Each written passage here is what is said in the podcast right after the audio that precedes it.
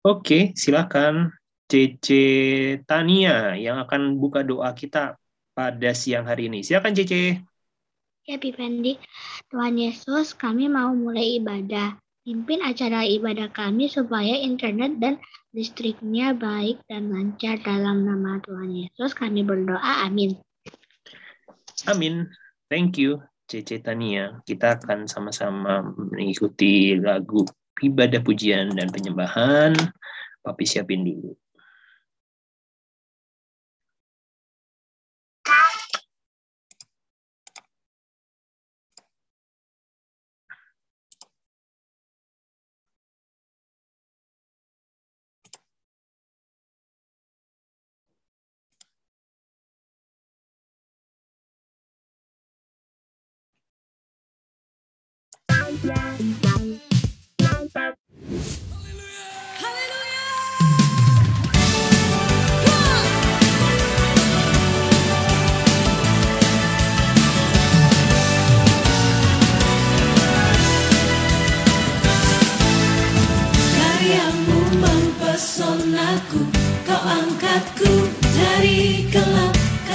tulus memberi warna.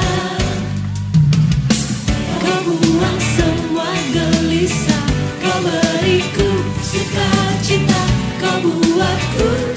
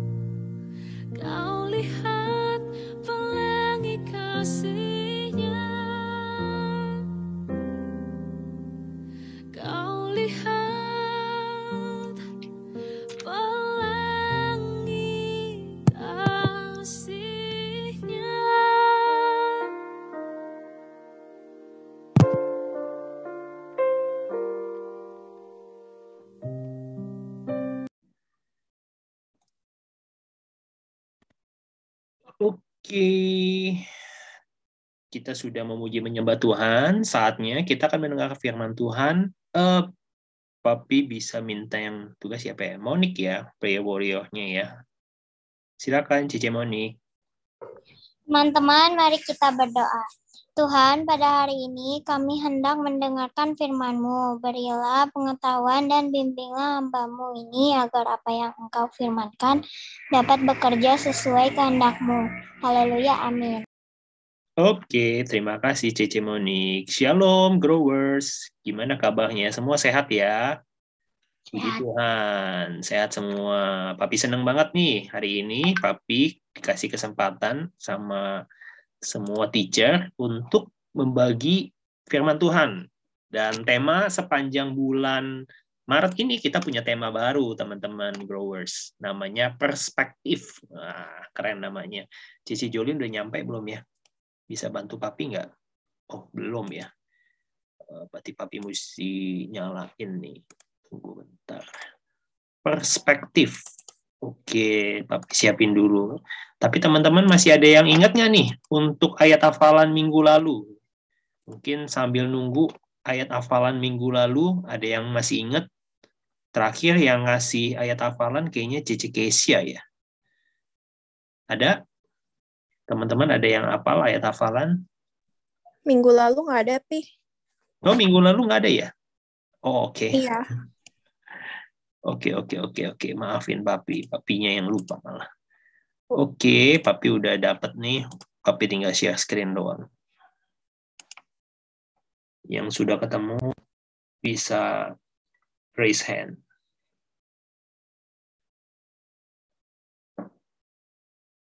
Sudah bisa baca belum ya? 11. Kebaca? Teman-teman Grows, kebaca nggak? Oh, Evan udah raise hand.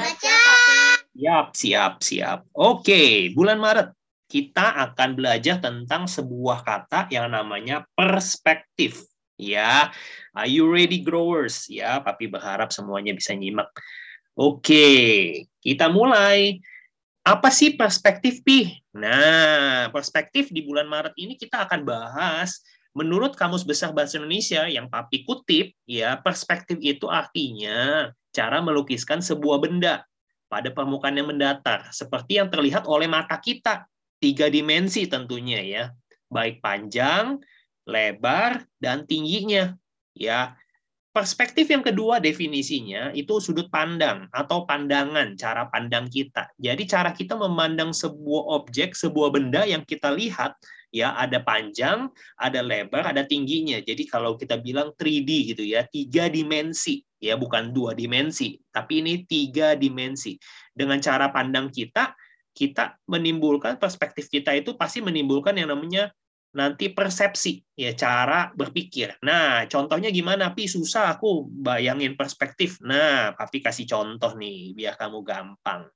Nah, ini ada sebuah bangunan nih, teman-teman growers ya. Ada sebuah bangunan, ada tinggi, ada lebar, ada panjang ya. Ini panj uh, lebar, panjang, tinggi ya.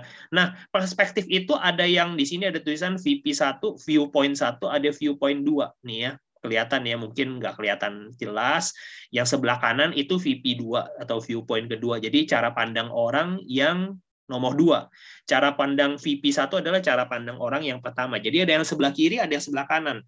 Teman-teman lihat ya ada sebuah gedung ini ya gedung yang papi unjuk nih dengan ini.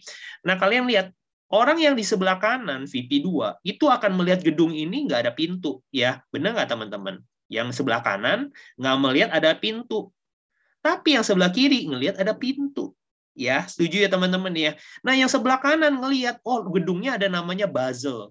Ya, ada namanya gedungnya. Nah, yang sebelah kiri bilang mana nggak ada, nggak ada, cuma ada jendela sama pintu. Ya, nah cara pandang orang itu akan punya persepsi ya atau opini yang berbeda. Karena kenapa? Karena cara pandangnya pun juga berbeda. Setuju ya teman-teman ya biar bisa lihat nih. Yang satu yang sebelah kiri mandangnya dari sebelah kiri, yang kanan mandangnya sebelah kanan. Dia ngelihat sebatas yang dia bisa lihat aja. Tentunya berbeda. Nah, contoh perspektif yang berbeda. Nah, perspektif yang beda pasti juga beda arti, beda pemahaman, teman-teman. Nah, seperti contoh seperti yang gambar di depan ini nih. Nah, kalau teman-teman bilang, ini angka 6 atau angka 9? Nah, pasti teman-teman bingung ya. Tergantung lihatnya. Benar nggak? Ya, kalau yang di sebelah kiri pasti bilang, oh itu angka 6, Pi. Itu jelas angka 6. Nah, tapi yang di sebelah kanan gimana? Eh, salah kamu. Bukan 6, ini 9. Nah, angka atau objek yang sama, kalau punya perspektif atau cara pandang yang berbeda, sudut pandang yang berbeda dia lihatnya, maka akan beda arti atau pemahaman ya. Jadi teman-teman bisa bisa maksud ya. Maksudnya papi hari ini adalah perspektif itu cara pandang. Kalau kita melihat satu benda, kalau kita punya cara pandang yang beda, pasti hasilnya beda. Artinya beda, pemahaman juga beda. Ya.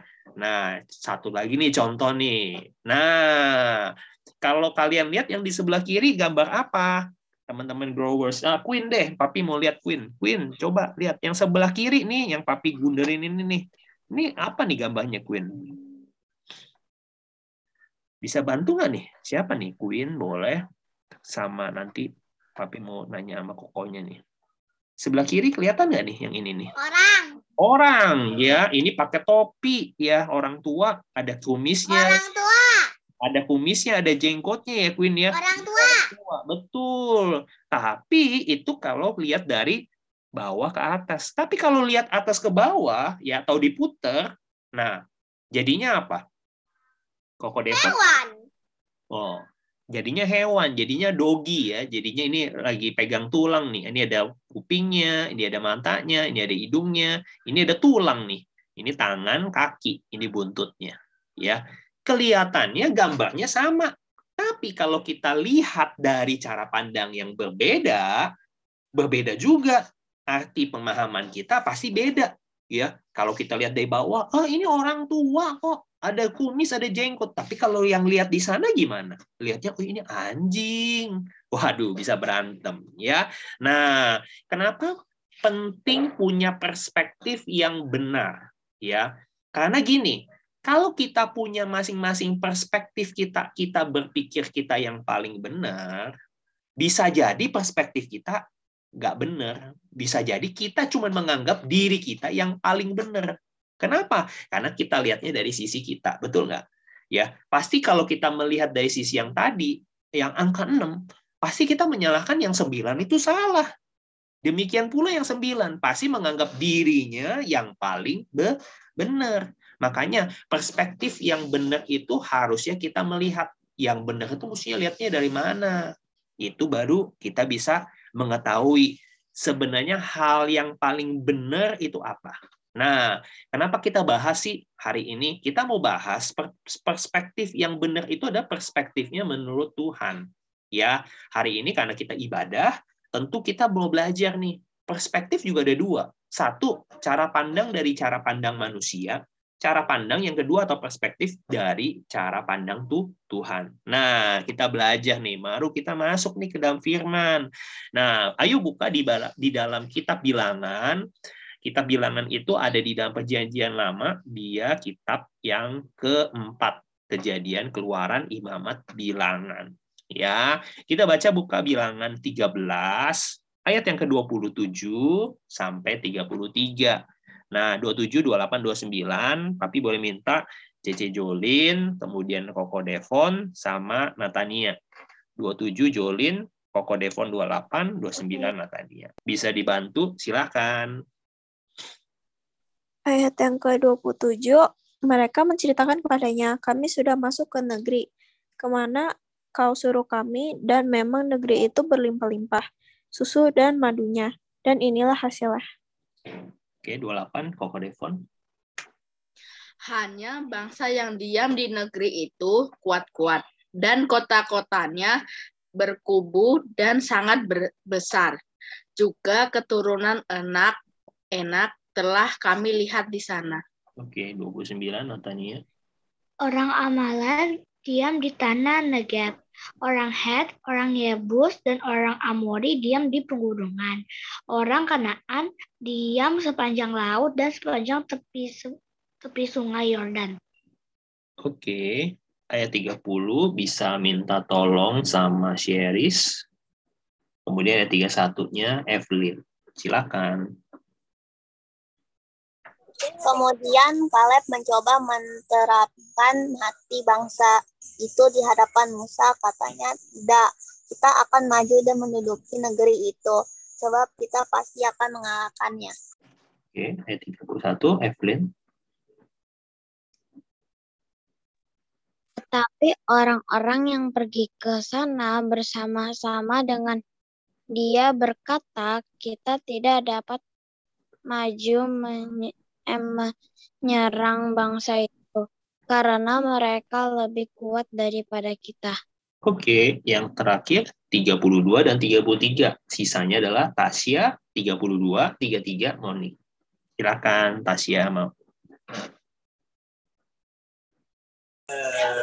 Juga mereka menyampaikan kepada orang Israel kabar busuk tentang negeri yang diintai mereka dengan berkata, negeri yang telah kami lalui untuk diintai adalah suatu negeri yang memakan penduduknya dan semua orang yang kami lihat di sana adalah orang-orang yang tinggi-tinggi perawakannya. Oke, ayat 33, Cece Monik, terakhir.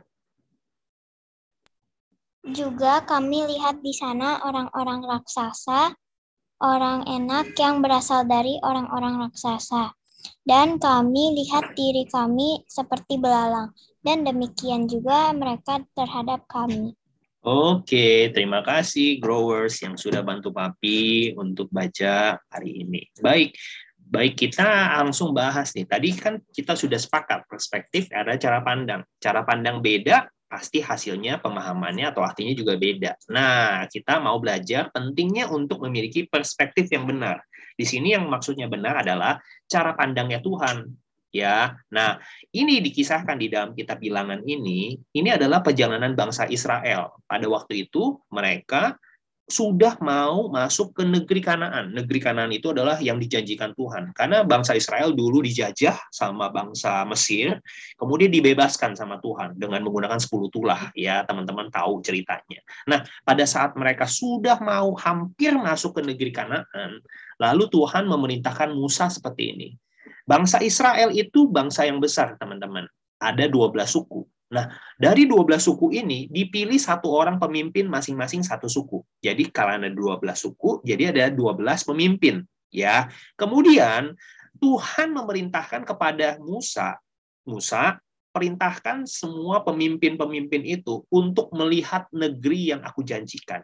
Jadi disuruh ngintip disuruh mengintai ya. Kalau di situ namanya mengintai itu namanya spy ya. Sekarang kalau teman-teman lihat ada yang eh, nggak uh, tahu teman-teman uh, dulu suka nonton nggak yang James Bond atau agen-agen rahasia Intel gitu ya. Nah kejadian Intel itu ngapain? Dia ngintip ya mengintip uh, atau memata-matain nah kira-kira seperti itu. Nah 12 orang ini diminta Musa untuk memata-matai negeri Kanaan.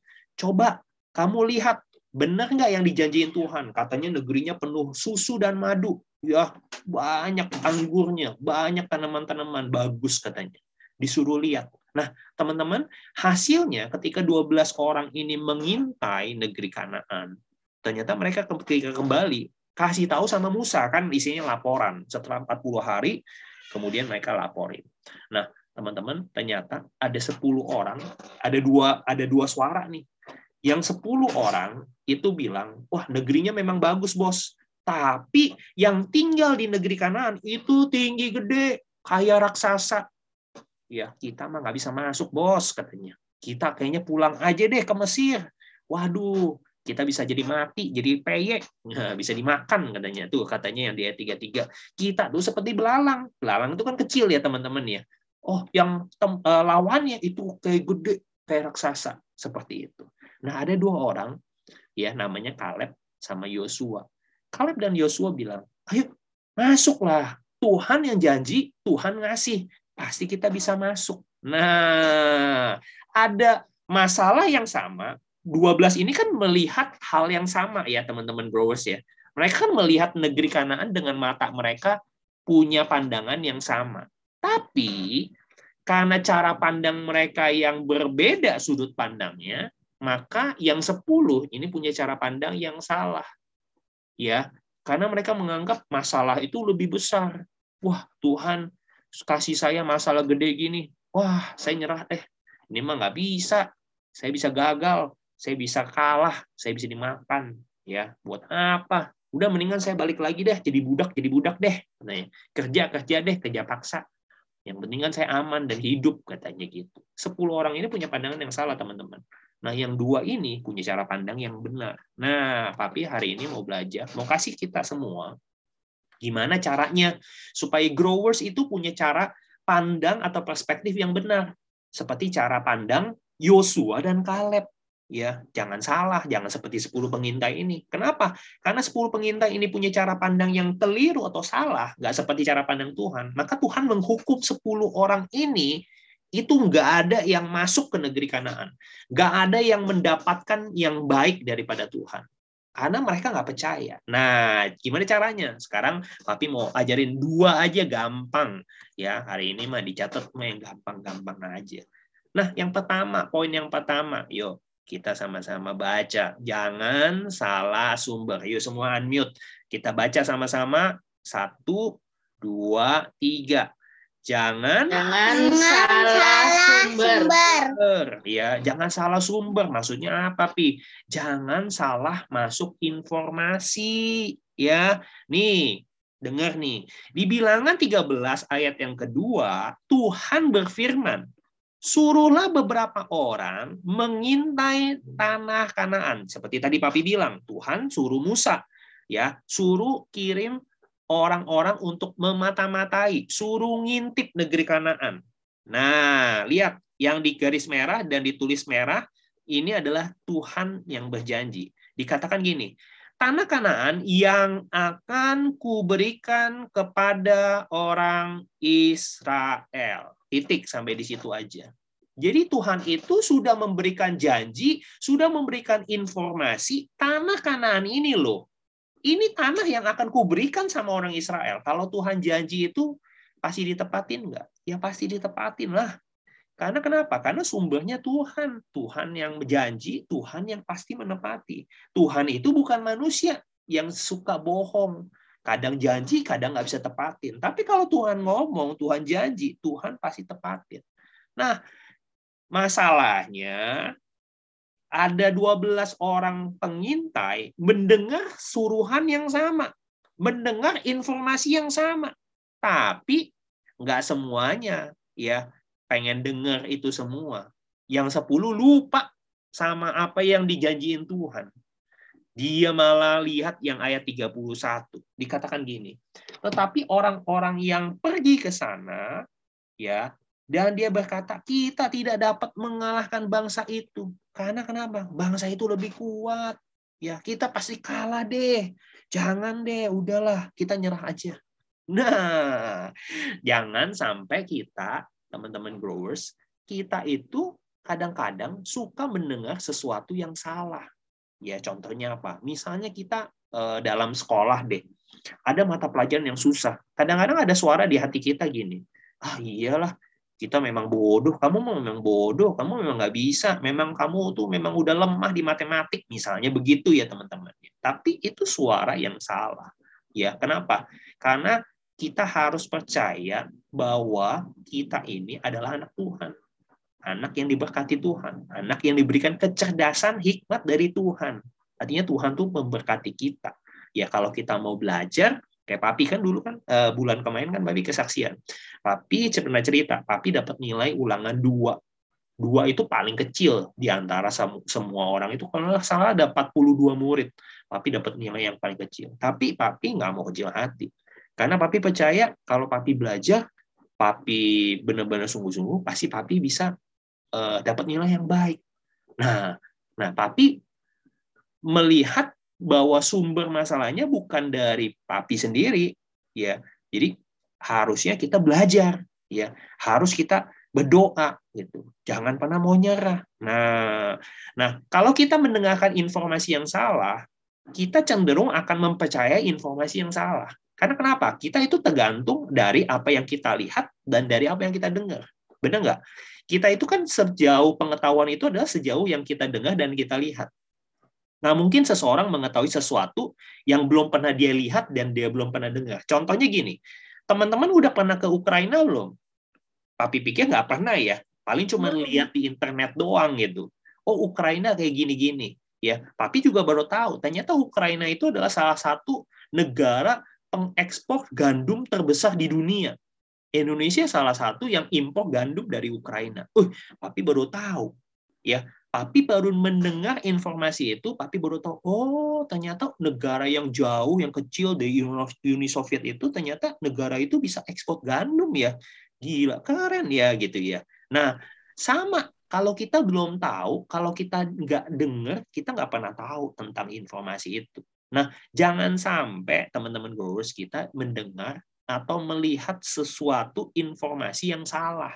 Nah, cek nih. Selanjutnya. Nah, Roma 10 ayat 17 dikatakan ini. Ini ayat firman Tuhan yang hafalan, yang tapi juga udah pernah kasih tahu. Jadi, iman itu timbul dari pendengaran. Dan pendengaran oleh firman Kristus. Jadi, teman-teman, iman itu timbulnya dari mana? Sumbernya dari mana sih kita punya iman? Kenapa kita bisa percaya sama Tuhan? Karena kita pernah mendengar. Mendengar apa? Mendengar firman, firman Kristus. Kita ikut ibadah, kita pernah sekolah minggu, pasti minimal kita baca Alkitab, kita pasti mendengar firman. Dari firman yang kita dengar dan kita baca, itu timbul iman. Kita bisa percaya sama Tuhan Yesus sebagai Tuhan dan Juru Selamat karena iman kita tuh karena kita pernah dengar ya. Nah, bayangin teman-teman, kalau kita nggak pernah dengar tentang Tuhan, nggak pernah pernah baca Alkitab, nggak pernah ikut ibadah, gimana caranya kita bisa timbul iman? Gimana caranya kita bisa kuat, kita bisa gagah perkasa, kita bisa bangkit dari kegagalan kayak minggu lalu, ya. Nggak bisa. Karena kita nggak punya iman. Nah, makanya jangan jadi seperti 10 orang pengintai. Dia nggak pernah denger dengerin apa kata Tuhan. Dia mungkin lagi main-main atau bercanda. Tuhan janji sama Musa, Tuhan janji sama bangsa Israel, negeri kanan ini aku kasih ke orang Israel. Kan jelas ya. Yang 13 ayat 2. Coba nanti teman-teman baca di ayat yang kedua. Kan jelas. Tapi 10 orang ini tidak pernah mau mendengarkan informasi yang benar. Dia malah dengerin informasi yang salah. Wow, ini yang punya ini orang raksasa, orang tinggi, ngeri, makan orang lagi. Waduh, karena dia dengar sesuatu yang bukan firman Tuhan atau firman Kristus, bukan dari Alkitab, maka cenderung bukan iman, tapi ketakutan. Ya semua informasi yang kalau kita dengar hari-hari ini kita dengar wah ada perang nih antara Rusia sama Ukraina. Semua dunia itu semua semuanya penuh rasa takut was-was ya khawatir gimana nih kalau benar-benar nanti Rusia keluarin senjata nuklirnya semua kan akan e, berpikir waduh pasti jadi sesuatu yang kurang baik ya teman-teman ya nah yang ada adalah apa ketakutan ya kenapa karena dunia ini tidak pernah menimbulkan yang namanya rasa aman Nggak pernah ada yang namanya tenang. Nggak seperti firman Tuhan. Firman Tuhan selalu membuat kita, anak-anak Tuhan, punya iman. Punya rasa percaya sama Tuhan Yesus Kristus. Ya, jadi ingat yang pertama, supaya kita punya perspektif yang benar seperti Tuhan, jangan salah sumber. Jangan dengerin apa kata dunia jangan dengerin apa kata orang, tapi dengar dan lihat apa kata Tuhan untuk growers. Ya, itu yang pertama. Yang kedua, sama-sama kita unmute, yuk kita baca yang nomor dua dengan hitungan yang ketiga dengan suara yang mantap. Percaya akan janji Tuhan. Satu, dua, tiga. Percaya, Percaya akan janji Tuhan. Tuhan. Nah, cuman mendengar, tadi dikatakan, 12 orang ini semua sama-sama mendengar. Sama-sama mendapat perintah yang sama. Disuruh mata-matain. Dapat perintah yang sama, tapi punya pandangan yang beda. Kenapa? Karena dua orang, si Yosua dan Kaleb, bukan hanya dengar, bukan hanya mendengar informasi yang sumber yang benar, tapi mereka juga percaya.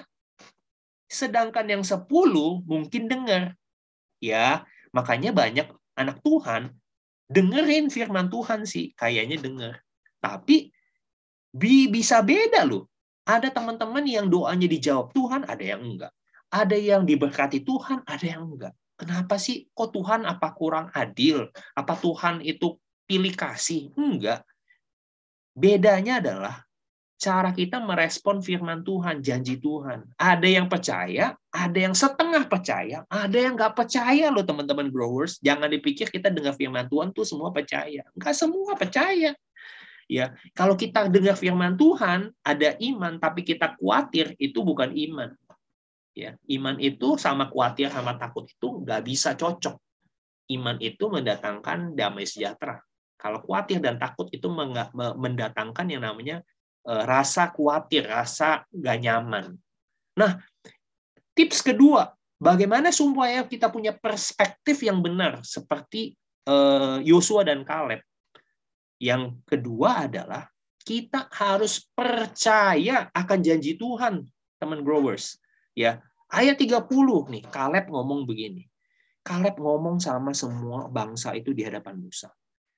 Ya walaupun semua semua katanya dengar dari 10 orang ini. Wah ini yang datang ini katanya yang tinggal di negeri kanan itu raksasa negeri yang memakan penduduknya.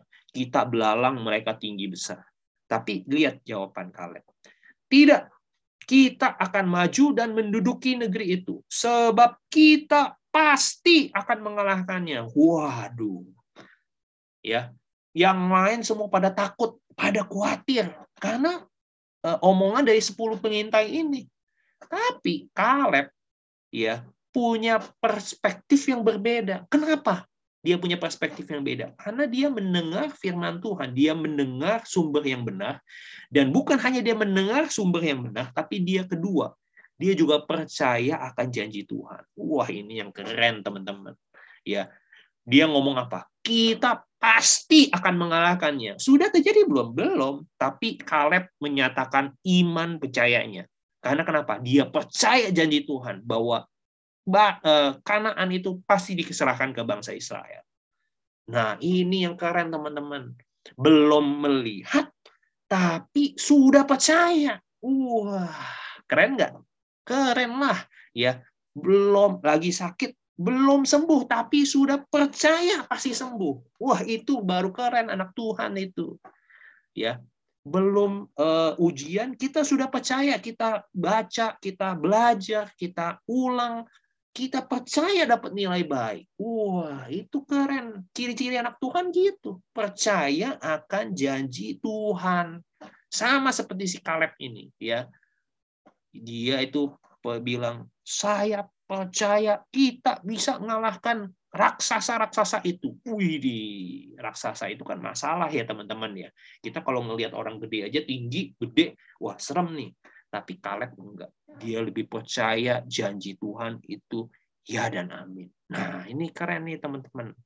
Nah, kita lihat ya. Ini sekaligus memory first. Mungkin teman-teman bisa foto, bisa catat, ayat hafalannya. Yeremia 29 ayat 11. Papi boleh minta uh, Koko Devon deh yang bacain ya. Koko Devon bisa diambil. Yeremia 29 ayat 11. Sebab aku ini mengetahui rancangan-rancangan apa yang ada padaku mengenai kamu. Demikianlah firman Tuhan, yaitu rancangan damai sejahtera dan bukan rancangan kecelakaan untuk memberikan kepadamu hari depan yang penuh harapan. Amin. Terima kasih Koko Devon. Nah, ini sebenarnya sama-sama Papi. Oke, sebenarnya ini adalah janji Tuhan juga buat setiap growers, ya. Walaupun kita punya masalah segudang, seabrek-abrek, atau apa pun, kondisi kita lagi dalam masa pandemi COVID, kita nggak tahu kapan kita sekolah, kita nggak tahu kapan ketemu sama teman-teman lagi kita nggak tahu kapan ketemu sama guru, kapan kita ikut ibadah lagi ya, seperti yang dulu di gereja kita masing-masing. Kita nggak tahu. Tapi ini adalah ayat yang menjadi penentu buat iman percaya kita. Percayakah kita akan janji Tuhan seperti ini? Tuhan loh, ini sebab aku itu A-nya gede. Jadi Tuhan sendiri yang berjanji. Dia ngomong gini, Aku ini tahu rancangan-rancangan yang ada padaku mengenai kamu. Jadi Tuhan tuh tahu rancangan-rancangan apa yang dia rancangin dalam hidup kita. Demikian firman Tuhan. Ya itu apa? Rancangan apa sih yang Tuhan punya buat saya? Ya itu apa? Kata Tuhan. Rancangan damai sejahtera. Dan bukan rancangan kecelakaan. Artinya apa? Tuhan tuh menjanjikan hidup kita itu mengalami damai dan sejahtera ya nggak pernah Tuhan tuh Eh, bikin sesuatu yang buat nakut-nakutin kita, yang buat kita sedih, yang buat kita tuh nggak baik, yang buat kita celaka, yang buat kita itu mengalami yang namanya musibah. Nggak pernah Tuhan nggak pernah rancangin itu. Ya, kita harus imani dan percaya sama janji Tuhan bahwa rancangan Tuhan adalah rancangan damai sejahtera. Ya, untuk apa? Untuk memberikan kepada kita punya hari depan yang penuh harapan. Artinya apa? Tuhan itu menjanjikan kita tuh semua anak-anak grow, semua orang yang percaya sama Tuhan Yesus punya masa depan yang penuh dengan harapan. Jadi jangan percaya orang bilang, ah kamu mah nggak punya masa depan, kamu mah bodoh, kamu tuh kurang pinter, ya rankingnya kurang hebat, nggak kayak teman-teman kamu yang rankingnya satu, nggak. Ya jangan percaya itu. Percaya sama janji Tuhan kalau kita diberikan masa depan atau hari depan yang penuh harapan. Jadi, kalau kita gagal kayak bulan kemarin kita belajar, kita bisa percaya sama janji Tuhan. Hari depan, ya, yang di depan itu selalu punya pengharapan yang baru.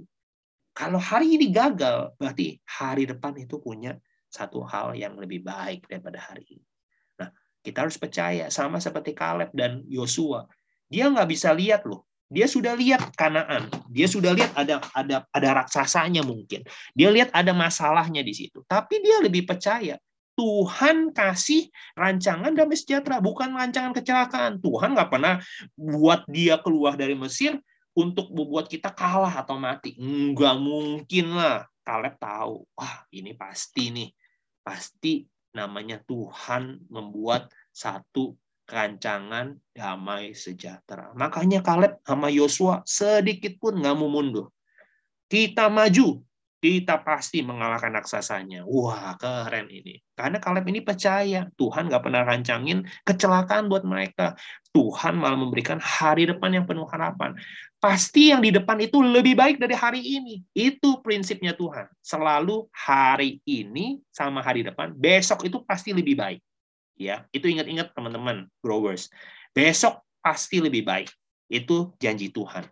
Besok pasti lebih baik. Ya, itu. Jadi itu aja, nggak banyak ya. Jadi ada dua hal, dua prinsip untuk mendapatkan perspektif yang benar. Yang pertama, jangan salah sumber. Jangan salah dengerin orang, jangan salah dengerin dunia, apa kata orang, apa kata dunia, apa kata uh, yang orang-orang yang negatif ya, jadi netting gitu ya, atau netizen gitu. Jadi jangan salah sumber. Pokoknya sumbernya kita harus benar, yaitu apa? Firman Tuhan. Yang kedua, bukan hanya kita membaca firman Tuhan, bukan hanya mendengar seperti hari ini, tapi kita juga belajar percaya akan janji Tuhan. Tuhan Yesus memberkati kita semua. Thank you for listening, growers, and may God bless you all. Thank you. Silahkan yang berdoa, CC series ya. Ya, Silakan, C. teman-teman mari kita berdoa. Yesus terima kasih atas firman hari ini. Semoga bisa menjadi berkat buat kita semua. Dalam nama Yesus, haleluya, amin. Oke, thank you CC series. Oke, teman-teman. Eh, ada yang teman-teman tadi kelewatan belum tulis atau eh, apa catat ayat hafalannya tadi di mana?